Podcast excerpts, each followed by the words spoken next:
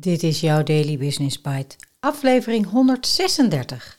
We liegen wat af op de werkvloer. Gemiddeld twee onwaarheden per 10 minuten. Door de redactie van CHRO. En ik ben je host, Marja den Braber. Je luistert naar Daily Business Bites met Marja den Braber. Waarin ze voor jou de beste artikelen over persoonlijke ontwikkeling en ondernemen selecteert en voorleest. Elke dag in minder dan 10 minuten.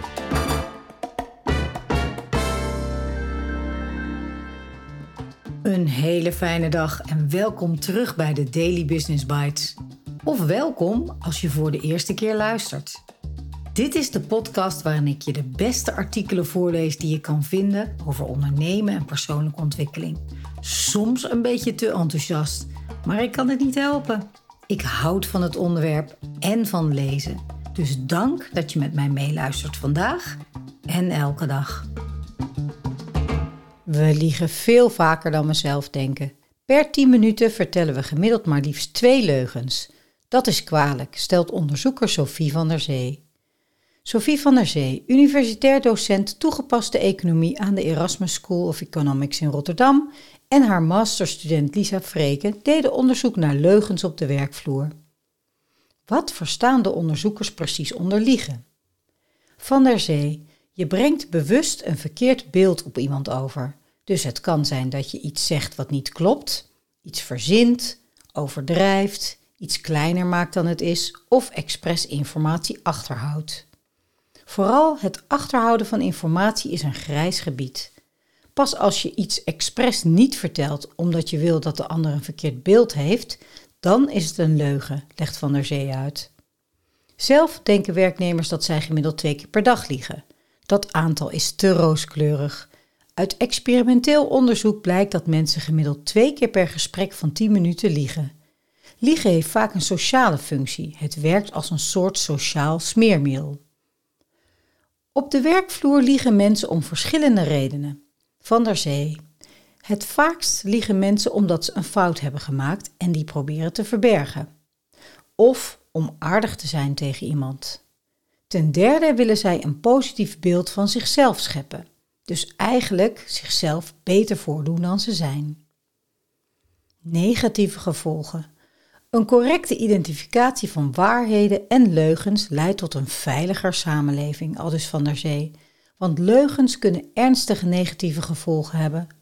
Of het nu gaat om een politieagent die de sterkte van een alibi beoordeelt, een rechter die schuld of onschuld vaststelt, een forensisch psycholoog die recidivekansen vaststelt of een grensbewaker die kwade bedoelingen vaststelt. En ook buiten de context van rechtshandhaving is er een verlangen naar een nauwkeurige beoordeling van de geloofwaardigheid. Iemand kan twijfelen aan het verhaal van zijn romantische partner. Een ouder kan zich zorgen maken over de verblijfplaats van zijn kind. Een klant kan zich afvragen of de deadline van een project wel zal worden gehaald. Een burger kan twijfelen aan de beweringen van een politiek leider. Misleiding werkt ook indirect door. Vooral wanneer bedrog aan het licht komt, kan dit het vertrouwen aantasten. Dat belemmert het oplossen van conflicten, verlaagt de betrokkenheid en vermindert de relatiekwaliteit. Binnen organisaties tast dit de effectiviteit van het leiderschap aan en het bemoeilijkt de samenwerking. Kortom, leugens kunnen schadelijk uitpakken voor de samenleving, het bedrijfsleven en het leven van mensen. Volgens Van der Zee is het voor werkgevers dan ook belangrijk om openheid en eerlijkheid te stimuleren met een beetje geoorloofd liegen als social glue, leugentjes om bestwil als bindmiddel. Daily Business Bites met Marja Den Braber. Je luisterde naar We liegen wat af op de werkvloer, gemiddeld twee onwaarheden per 10 minuten. Dit artikel bracht me direct bij de serie Lie to Me, die ik zo graag met mijn jongste dochter keek. Het is al even geleden, maar het was een Amerikaanse misdaadserie waarin Dr. Kel Lightman de rol van een levende leugendetector had. De kleinste veranderingen in gezichten zien, micro-expressie, dat kon deze man echt als geen ander detecteren. En omdat in mijn NLP-opleidingen ook veel aandacht was voor verbale, maar uiteraard ook non-verbaal gedrag, vond ik het echt een hele toffe serie om te kijken. elke verandering aan de binnenkant geeft een verandering aan de buitenkant, hoe miniem ook. Micro-expressies zijn blijkbaar niet cultureel bepaald, maar universeel. Nou, daar heb ik het net onlangs met een paar klanten over gehad. Wat doe je als je voelt dat iemand niet de waarheid vertelt of misschien zelfs wel liegt?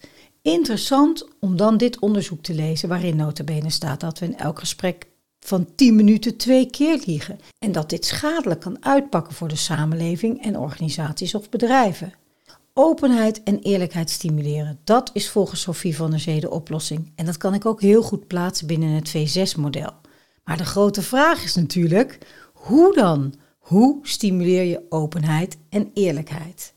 Een goed idee om daar in een aflevering dieper op in te gaan en je een paar meer handvatten te geven. Voor nu weet je dat in elk gesprek dat je vandaag hebt, er in 10 minuten tijd twee keer tegen je gelogen wordt. En dat jij zelf ook twee leugens hebt verteld. Haha, veel plezier vandaag en ik spreek je morgen.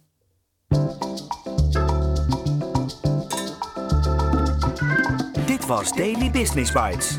Wil je vaker voorgelezen worden? Abonneer je dan op de podcast in je favoriete podcast-app. Meer weten? Klik op de links in de show notes.